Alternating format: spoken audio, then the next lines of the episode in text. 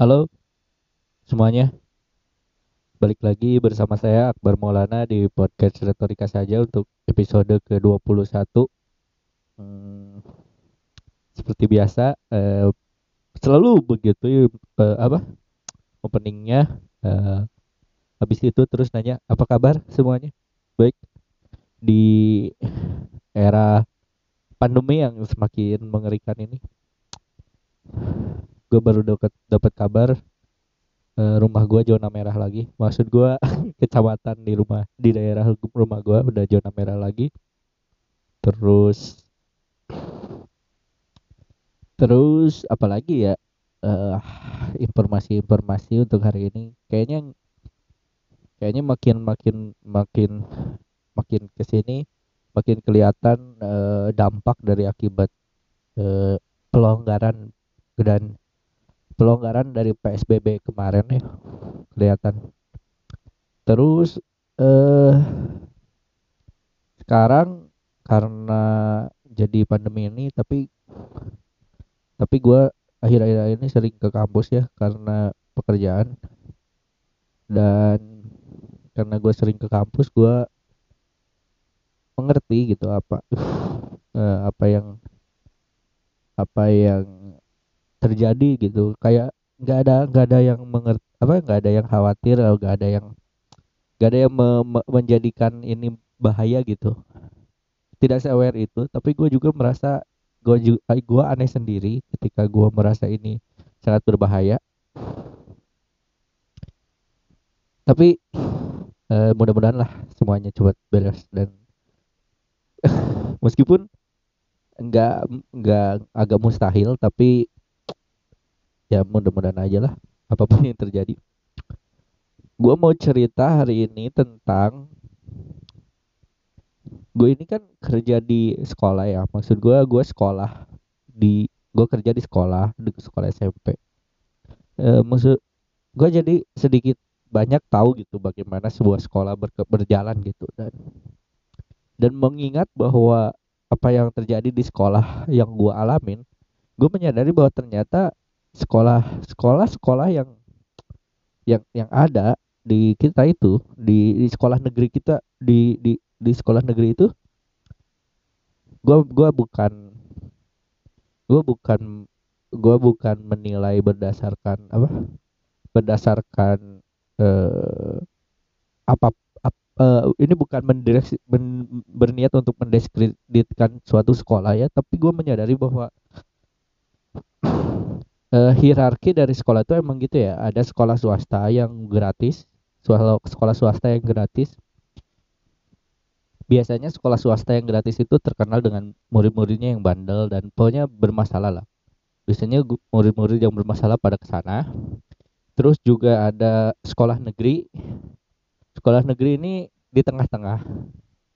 Uh, ada yang bagus ada yang jelek gitu. Nggak bisa nggak bisa di gak bisa dinilai secara kasat mata lah. Eh, karena benar-benar tergantung sangat dari orang di dalamnya. Eh, gue merasa ada ada sekolah yang kayak sekolah swasta gitu yang gue sekolah su sekolah swasta yang hanya menerima murid aja. Lu nggak peduli latar belakangnya apa yang penting dia sekolah aja tapi sekolah negeri itu masih memperhatikan nilai kayak menyeleksi berdasarkan nilai dan kayak gitu gitulah tapi tetap aja kuotanya gede terus eh, berdasarkan dari pemerintah kualitas kualitas gurunya ya sekedar ada aja. Tergantung dari pemerintahnya bagaimana gitu kan yang disediakan oleh sekolah. Eh oleh oleh negara menyediakan gurunya mulai uh, dalam sekolah negeri. Itu kan sering dan dan gua gua gua gua gua ini ngajar di sekolah dan gua ragu ya kualitas guru guru guru di sekolah negeri itu se, se, se, sehebat apa. Karena gua selama belajar hampir tidak pernah menemukan guru yang menurut gua ini nih keren.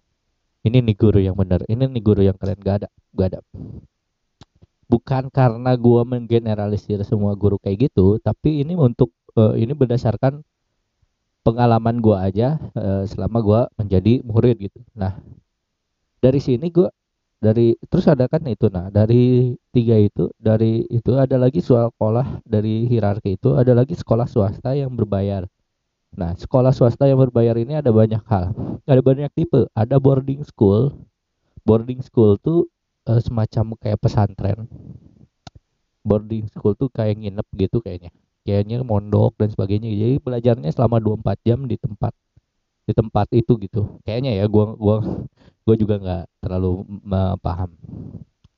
Terus uh, habis itu ada juga sekolah internasional berdasarkan uh, biasanya ini sekolah internasional tuh Nasrani ya.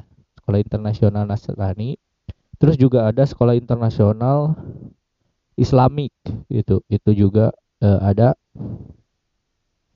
Nah dari dari dari nah itu adalah sekolah paling keren paling elit yang ada di di di hierarki sekolah di Indonesia.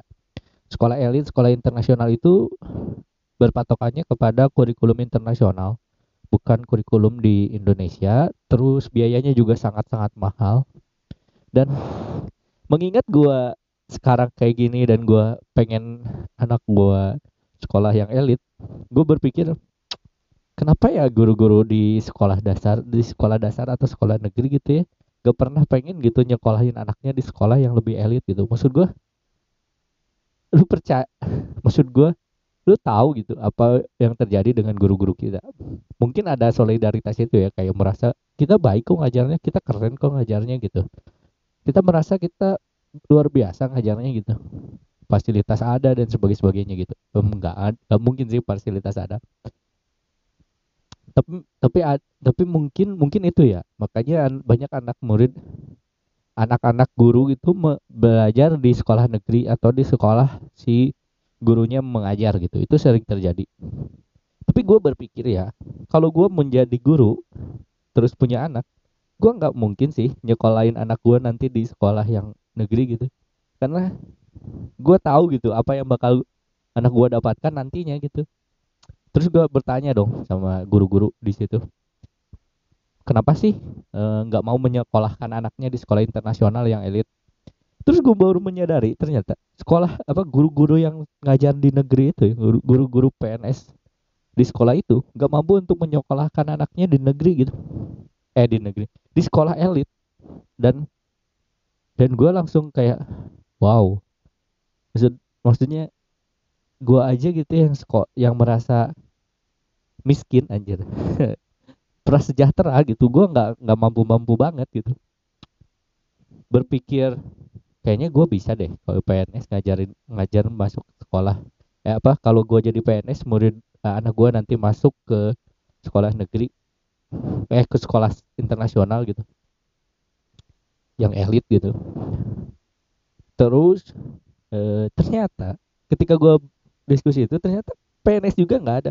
Terus gue berpikir apa sih yang bikin seseorang yang mungkin bisa sekolah di international school gitu? Terus gue menyadari bahwa ternyata emang yang yang sekolah di situ tuh tidak ada yang pelayanan itu maksudnya tidak ada yang berdasarkan dari pegawai negeri sipil guru guru gitu. Tapi mungkin bisa dari struktural kayak pejabat uh, eselon eselon gitu kayak struktural tuh jadi pejabat yang punya jabatan lah. Kalau guru tuh kan fungsional jadi cuman berfungsi sebagai guru. Tapi strukturnya nggak ada kayak kepala guru terus asisten guru nggak ada. Nah itu tuh. Itu bedanya ya. Uh, by the way apa itu pejabat struktural dan fungsional? Nah balik lagi ke uh, anjir serius banget nih dari tadi. Ya bodo amat lah eh, gue lagi pengen serius. Dari dari dari balik lagi ke yang tadi ya. Dari dari situ gue menyadari bahwa memang ternyata hal yang kita agul-agulkan dari ini dari kita ini agul-agulkan yang kita bangga banggakan sebagai pelayanan itu sebagai guru yang harusnya bisa mapan ternyata nggak bisa masuk masukkan sekolah ke sekolah internasional gitu. Tapi ketika gue melihat rumahnya anjir rumahnya ya gede gitu bagus mewah punya mobil. Tapi tapi tapi gue merasa sekolahnya tuh nggak nggak nggak nggak nggak nggak nggak seelit itu gitu. Atau enggak mungkin mungkin ya. Mungkin mungkin aja ada uangnya tapi tapi eh eh, gagasannya beda gitu. Ada yang merasa sekolah mah biasa aja deh. Nanti aja pas kuliah kuliah kuliahnya baru yang bener. Ada yang gitu. Ada yang bawaan pintar. Jadi dia pintar si anaknya pintar karena guru karena anak guru jadi pintar kan ada anggapan gitu. Itu enggak itu mitos sih tapi nggak apa-apa. Karena itu mungkin jadi si gue si, si siswanya dapat beasiswa gitu. Itu itu juga mungkin. Tapi gue menyadari bahwa ternyata kemungkinan terbesar seseorang bisa menyekolahkan anaknya di sekolah internasional adalah menjadi pengusaha yang sukses tentu saja dengan offset gede atau mungkin pejabat tinggi semacam sekda atau kepala sekolah mungkin yang kayak gitu-gitu. Mungkin ya. Karena gue gue riset gitu gue riset berapa sih biaya sekolah internasional di Bandung dan di di eh, di Bandung dan di sekitar Bandung dan sekitar. Itu rata-rata sih 12 juta 20 juta per bulan lu bisa bayangin gak sih gaji PNS sekarang kira-kira 5 juta? Sertifikasi dapat 3 bulan berarti 15 juta. Itu 20 juta tuh. Dengan uang itu bayar SPP tiap bulan 10 juta tuh nggak sanggup gitu. Dan gue dan gue sadar akhirnya bahwa ternyata anjing ternyata yang selama ini gue kejar masih jauh anjir. Gue pikir deket gitu ya antara sekolah internasional PNS dan gue terus dan kondisi hidup gue gitu. Terus pas gue sadar itu anjing jauh banget gitu jangkauannya gitu. Gue pengen anak gue sekolah internasional tuh jauh banget gitu. Karena apa? Yang menurut gue kaya aja ya guru PNS itu tuh nggak mampu gitu nggak sanggup. Dalam tanda kutip gak sanggup gitu. Terus gue bersadar kayak oh iya juga ya. Ternyata ternyata segitunya. Dan gue baru menyadari bahwa kebanyakan guru yang yang menyekolahkan anaknya di sekolah internasional itu adalah guru-guru yang memang berinter berentrepreneurship menjadi pengusaha pengusaha apa pun ya. Kayak pengusaha ada temen ada rekan kantor gue yang bukannya uh, gerak kayak jasa grafik gitu kayak jasa grafis gitu kayak apa pun lah terus juga ada yang usahanya sekolah lagi bikin sekolah swasta misalnya. Itu tuh yang bikin dia bisa bisa ini bisa menyekolahkan anaknya. Dan gue baru menyadari ya bahwa ternyata gue dan ini sebetulnya malu ya ada guru ada guru. Lu tahu nggak? Saking saking saking saking saking parahnya. Mungkin ini mungkin ini uh, mungkin ini akan membuka mata lu uh, bahwa ternyata kebanyakan guru-guru PNS itu adalah mereka yang berhutang. Jadi meng meng menggadaikan uh, eh, SK-nya gitu pinjam ke bank. Itu itu umum kan? Kita sering terjadi itu sering terjadi. Dan gua dan gua ada satu guru ya saking saking banyaknya gitu ya uh, dia ke dia mengubah hutang sampai gaji yang dia terima dari 5 juta. Dia cuma dapat 300 ribu men. Itu tuh bahkan minus. Ada yang sampai minus. Gue kayak anjir.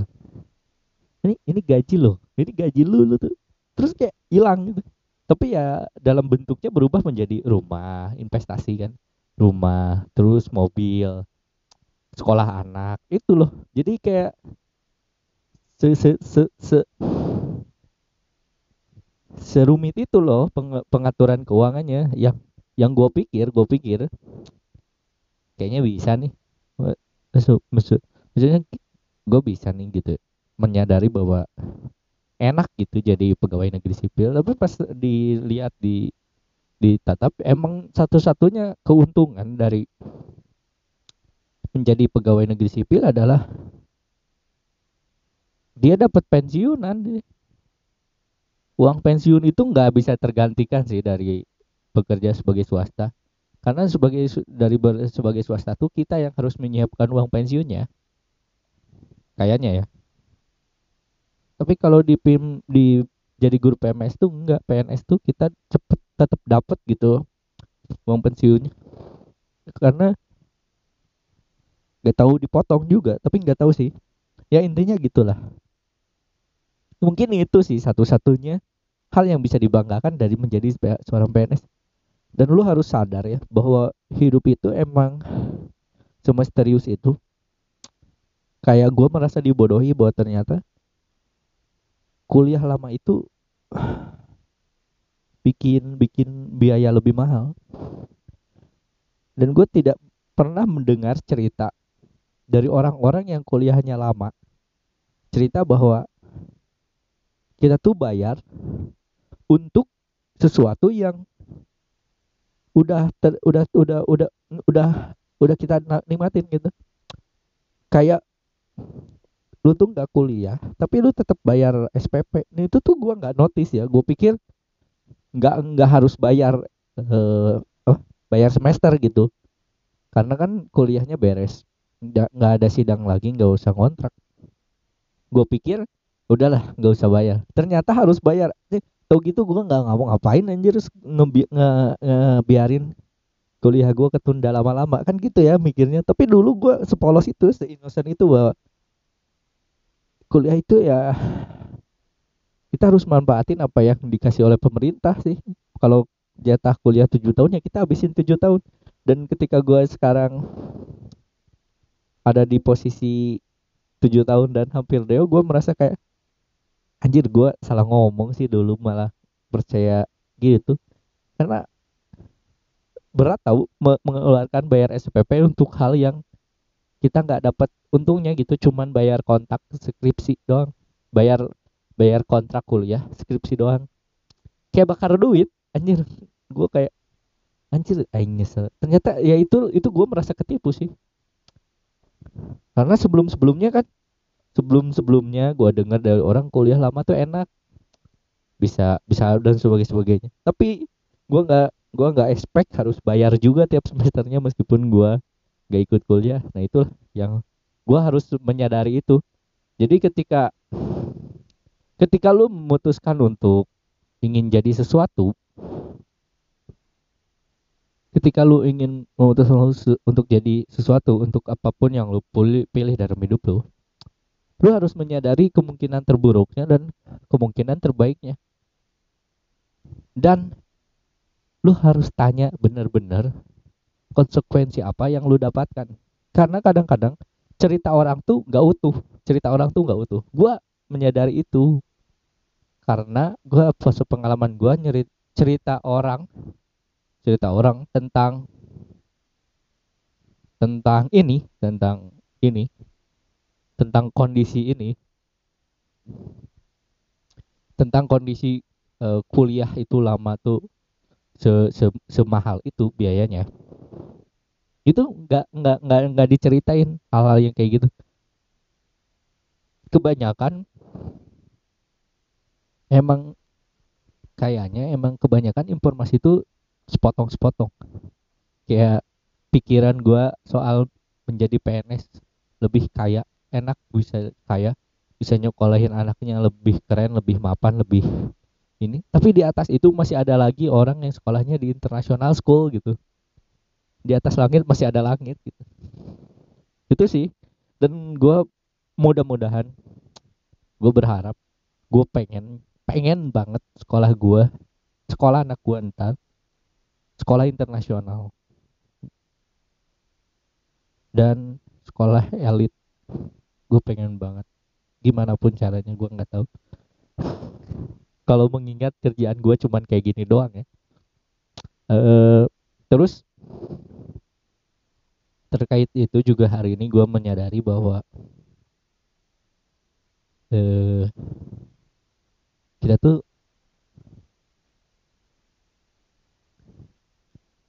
uh, apa kita tuh gua gua gua dari abis dari kampus dan gue sempet bercerita sama perempuan ini.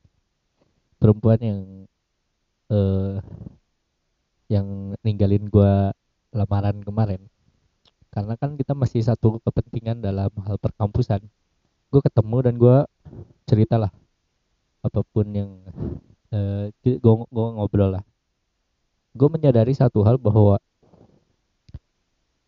setiap orang tuh em punya kesedihannya masing-masing sedih sedih sedih dan gue merasa permasalahan-permasalahan.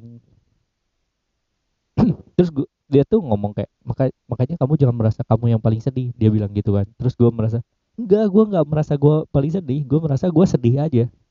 Dan gue nggak peduli orang lain sedih. Maksud gue gue nggak bisa berempati wah kan dia juga sedih terus gue nggak bisa sedih gitu. Gue nggak bisa gitu gitu.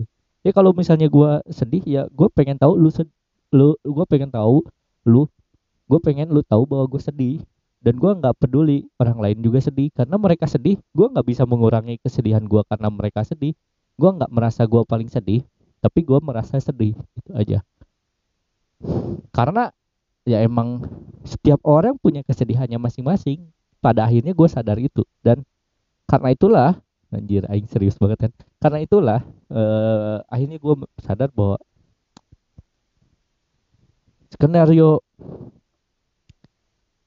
ternyata emang gini ya eh, cara cara Tuhan me, melakukan se skenario eh, apa membuat cerita. Karena cerita nyata ini menurut gue keren banget sih kalau dijadiin cerita dalam tulisan. Konfliknya udah ada tokohnya udah ada konfliknya juga keren banget menurut gue ya. Habis denger cerita perempuan yang gue lamar ini. Terus kayak eh, konfliknya udah dapet ceritanya udah dapet. Terus peran eh, alurnya udah dapet. Eh, plotnya udah dapet gitu. Kayak tinggal kita tulis aja. Dan kita mempercantiknya dengan tulisannya gitu. Gua gua gua akuin gue bisa saja nah salah. Gue bisa saja eh, salah ini eh, ter, ter kemungkinannya. Tapi gue kasih plot deh. Gue gua kasih kisi-kisi gitu. So eh, kalau di kalau dibuat premisnya kayak gini. Seorang perempuan ingin menikah dengan seorang laki-laki yang hebat. Laki-laki yang tepat. Tapi dia terjebak dengan kondisi eh, dia yang tidak bisa memilih. Dia merasa tidak enak sama orang dan kondisi eh, per, dan kondisi laki-laki yang datang kepadanya yang melamar dia yang tidak sesuai dengan yang dia mau. Nah, konfliknya jelas kan? Alurnya bisa jelas nih eh, ceritanya. Si perempuan ini akan pergi meninggalkan si laki-laki ini dengan konsekuensinya. Apa pun ya. Pergi menghilang terus gak ada kabar dan sebagainya. Atau dia jalanin meskipun orang ini bukan orang yang tepat, meskipun orang-orang berpendapat orang ini bukan yang tepat buat si perempuan itu. Ceritanya keren kan, asik gitu kayak, "Hei, gitu. Bagus itu, gue langsung berpikir dalam benak gue, anjir ini kalau jadi film keren nih gitu kayak. Terus kan ada statement si perempuan ini. Statementnya gini. Kenapa sih? Mungkin karena gue tuh dosanya banyak ya. Ma- Makanya gue mendapatkan laki-laki yang dekat dengan gue tuh selalu bermasalah gitu. Terus gue kayak, really? Bener? Gue, gue, aku pengen tanya sama kamu. Anjir, so baik kayak. Aku pengen tanya sama kamu. Menurut kamu, aku bermasalah? Menurut kamu, apa yang salah dari aku? Anjir, aing so ganteng deh gini. Terus dia kayak senyum, senyum, senyum. Gue tahu dari masker yang menutupi wajah dia, eh, mulut hidung dia, dia senyum. Gak ngomong, gak apa-apa, dia senyum. Gue, gue, gue menyadari itu sangat-sangat menohok dia. Tapi gue, gua nggak, gue akhirnya jujur bahwa apa pun yang kamu pilih, anjir, apa pun yang kamu pilih, aku akan selalu dukung kamu. Oke? Itu, aku bilang gitu. Aku bahkan nyaranin meskipun ini sakit hati ya gua. Gua gua gua eh, harus akuin gua salah ngomong ini. Tapi skenario Tuhan siapa yang tahu. Lu bisa aja salah ngomong. Tapi mungkin itu kehendak Tuhan lu harus ngomong itu. Gua menyadari ini.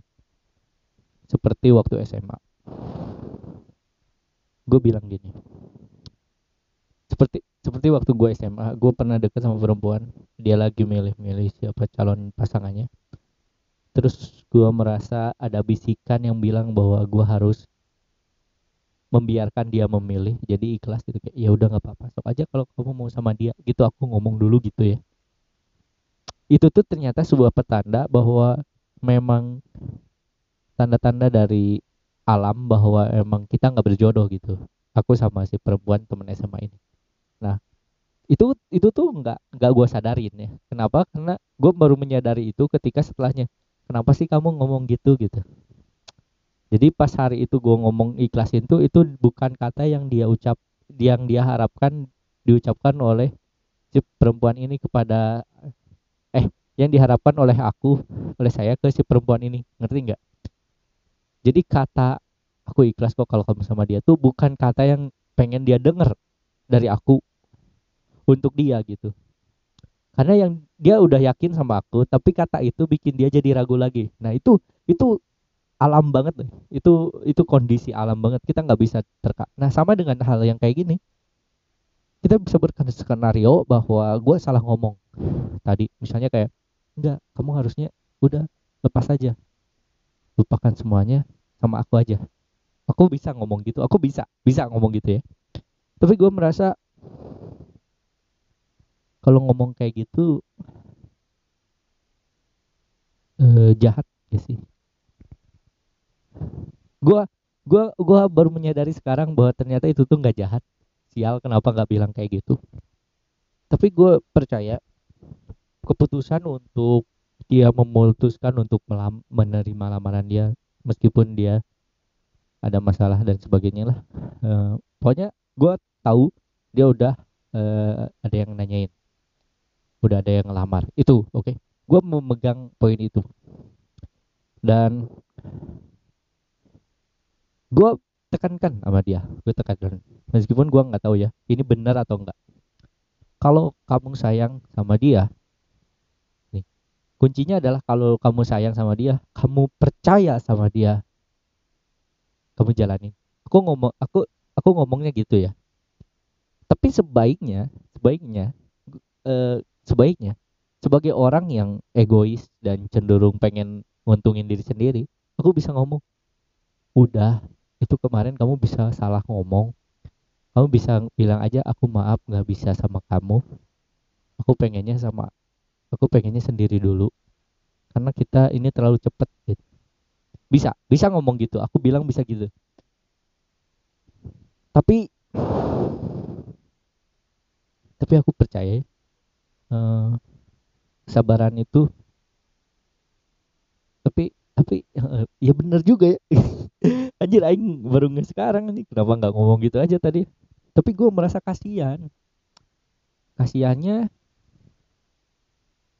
eh malu. Kasihannya juga kasihannya mal kasihannya ya kasihannya adalah karena dia udah dipercaya setidaknya oleh orang tuanya orang tua si laki-lakinya itu. Meskipun jalur cara yang dia lakukan dan laki-laki lagi itu lakukan salah menurut gua. Nggak tahu menurut orang lain tapi gua merasa kalau memang benar uh, itu yang kejadian itu yang dia bilang bahwa aku tuh cuek aku tuh nggak aku tuh ragu pokoknya gitulah. Aku nggak tahu ya perasaan perempuan bagaimana tapi kalau kalau kalau dia akunya masih saya akunya masih percaya kalau nggak jadi ya udah nggak gitu. Tapi tapi aku tekanin din. Ini udah kejadian nih. Kamu nggak bisa kamu sebetulnya bisa pull back gitu. Ini ini ini ini sekarang gue berpikir jernih ya. Jadi gue bisa ngasih saran aja sekalian sama dia. Sama kamu ya perempuan itu. Kalau kamu dengerin ini kayaknya gak mungkin juga kamu dengerin ini. Kalau kamu pull back mundur mundur gitu tarik mundur uh, setiap keputusan kamu terus kamu bilang cerita sama ayah kamu sama pasangan kamu saat ini sama keluarganya bahwa kamu sebetulnya belum siap dan merasa kita harus memperkenalkan diri masing-masing dulu bagaimana kejadiannya. Karena takut terjadi apa-apa di kemudian hari kamu bisa mundur. Kamu bisa mundur selangkah untuk maju ke depan lebih baik. Bisa aja. Ini ini aku bukan sebagai orang yang sayang sama kamu ya. Ini aku yang udah ikhlas. Udah nggak ada harapan. Udah menutup harapan sama kamu. Meskipun aku sempat nanya kan kalau kalau misalnya kita aku masih bisa berharap gak sih? Terus kamu nggak bisa jawab karena aku nggak tahu ke depannya kayak gimana. Itu kan yang kamu bilang. Tapi kalau aku berharap aku nggak mau berharap lagi karena harapan itu bikin aku nggak bisa mengontrol emosi. Aku percaya itu tapi nggak tahu mungkin di kemudian hari ketika aku punya harapan lagi dan harapan itu pupus lagi mungkin mungkin bisa sembuh. Tapi mengingat sekarang kamu udah seperti itu terus kamu juga udah ngomong sama aku kemarin kayak gitu gue cuma mau bilang kalau kamu sayang nih nih gue ngomong gini kalau kamu sayang jalanin aja. Coba aja berpikir positif ke depannya. Kamu nggak peduli jangan pernah dengerin apa kata orang. Kalau kamu nggak peduli sama masa lalunya dan tidak tidak menyadari bahwa dia mungkin ke depannya juga tidak akan berubah. Dan kamu percaya dia akan berubah? Eh, jalanin aja. Percaya percaya. Percayalah sama kamu sama diri kamu sendiri. Eh, apa pun yang kalau kamu sayang sama dia ya kamu percaya. Jangan pernah dengerin apa kata orang tentang dia yang negatif. Kamu jalanin kamu jalanin kamu jalanin. Dan aku bilang gini. Kalau kalau aja resiko terburuk. Resiko terburuk yang kamu alamin karena sudah memutuskan untuk sama dia. Resiko terburuk sangat-sangat terburuk yang kemungkinan kamu dapatkan. Aku masih mau dukung kamu. Aku masih mau bantu kamu. Aku ngomong gitu kalau kamu minta aku minta dukungan minta ditemenin minta apa pun kalau kamu kondisinya buruk aku mau masih mau sama kamu. Aku bilang gitu. Aku bilang gitu. Dan yaudah habis itu udah. Pada akhirnya ya memang gitu kejadiannya. Jadi gue merasa skenario Tuhan itu sangat-sangat menjelimet gitu kayak berputar. Dan itu sangat-sangat gue nggak bilang indah ya tapi lucu. Lucu. Lucu dengan dengan dengan dengan sedikit uh, keindahan gitu. Karena kalau ceritanya flat kan gak seru. Terus kalau ceritanya tapi tapi kalau ceritanya juga nggak flat gak seru bukan nggak flat. Tapi kalaupun ceritanya nggak flat tapi ini tuh di atas itu gitu ngerti gak sih? Ini tuh dengan keajaibannya gitu ngerti gak skenario Tuhan tuh segitu se selucu itu gitu dengan keajaibannya. Jadi kadang manusia tuh gak kepikiran jadi kadang gak, dan gue sekarang berpikir bahwa mungkin aja dia bohong seperti saat dia bilang dia sayang sama laki-laki anjir lain ketahuan dong mungkin nggak bukan gitu maksudnya sama aku. Dia bilang karena aku sayang sama dia makanya dia aku milih dia. Gitu. Mungkin dia gue nggak tahu ya. Tapi dia bilang itu bohong. Anjir ya. Dan aku merasa sekarang pengen ketawa karena itu. Dan entah kenapa aku kalau ngelihat orang lagi bohong tuh lucu. Pengen ngetawain gitu kayak ih bohong fake banget sih hidup kamu gitu. Aduh. Banyak sih yang pengen gue ceritain kayak lu pernah nggak sih merasa kalau HP HP lo tuh kayak alat berita lu? Lu kalau merasa kalau HP lu diper, di, diperiksa gitu ya kayak merasa dilecehkan atau merasa di ya kayak merasa ditelanjang lu pernah nah itulah yang gue alamin tadi gue sempet di merasa ditelanjangi gara-gara dia ngecek HP gue tapi nggak apa-apa. Karena seburuk-buruknya gue di mata dia uh, dia juga nggak peduli. Dia juga nggak pernah men menolak untuk untuk mau untuk berteman sama gue seburuk-buruknya gue apa sih kemungkinan terburuk gue gitu? Dia mungkin ya dia mungkin satu-satunya yang masih mau temenan sama gue karena nggak tahu. Mungkin karena dia merasa jasa gue lebih banyak sama dia. Anjir aing so banget oke segitu aja ya untuk kali ini. Uh, terima kasih untuk semuanya yang sudah dengerin uh, yang ya semoga aja ada yang dengerin ya karena seperti yang kita tahu tidak ada satupun yang mendengarkan podcast ini. Uh, terima kasih. Sampai ketemu lagi di episode selanjutnya. Uh, dadah. Dadah semuanya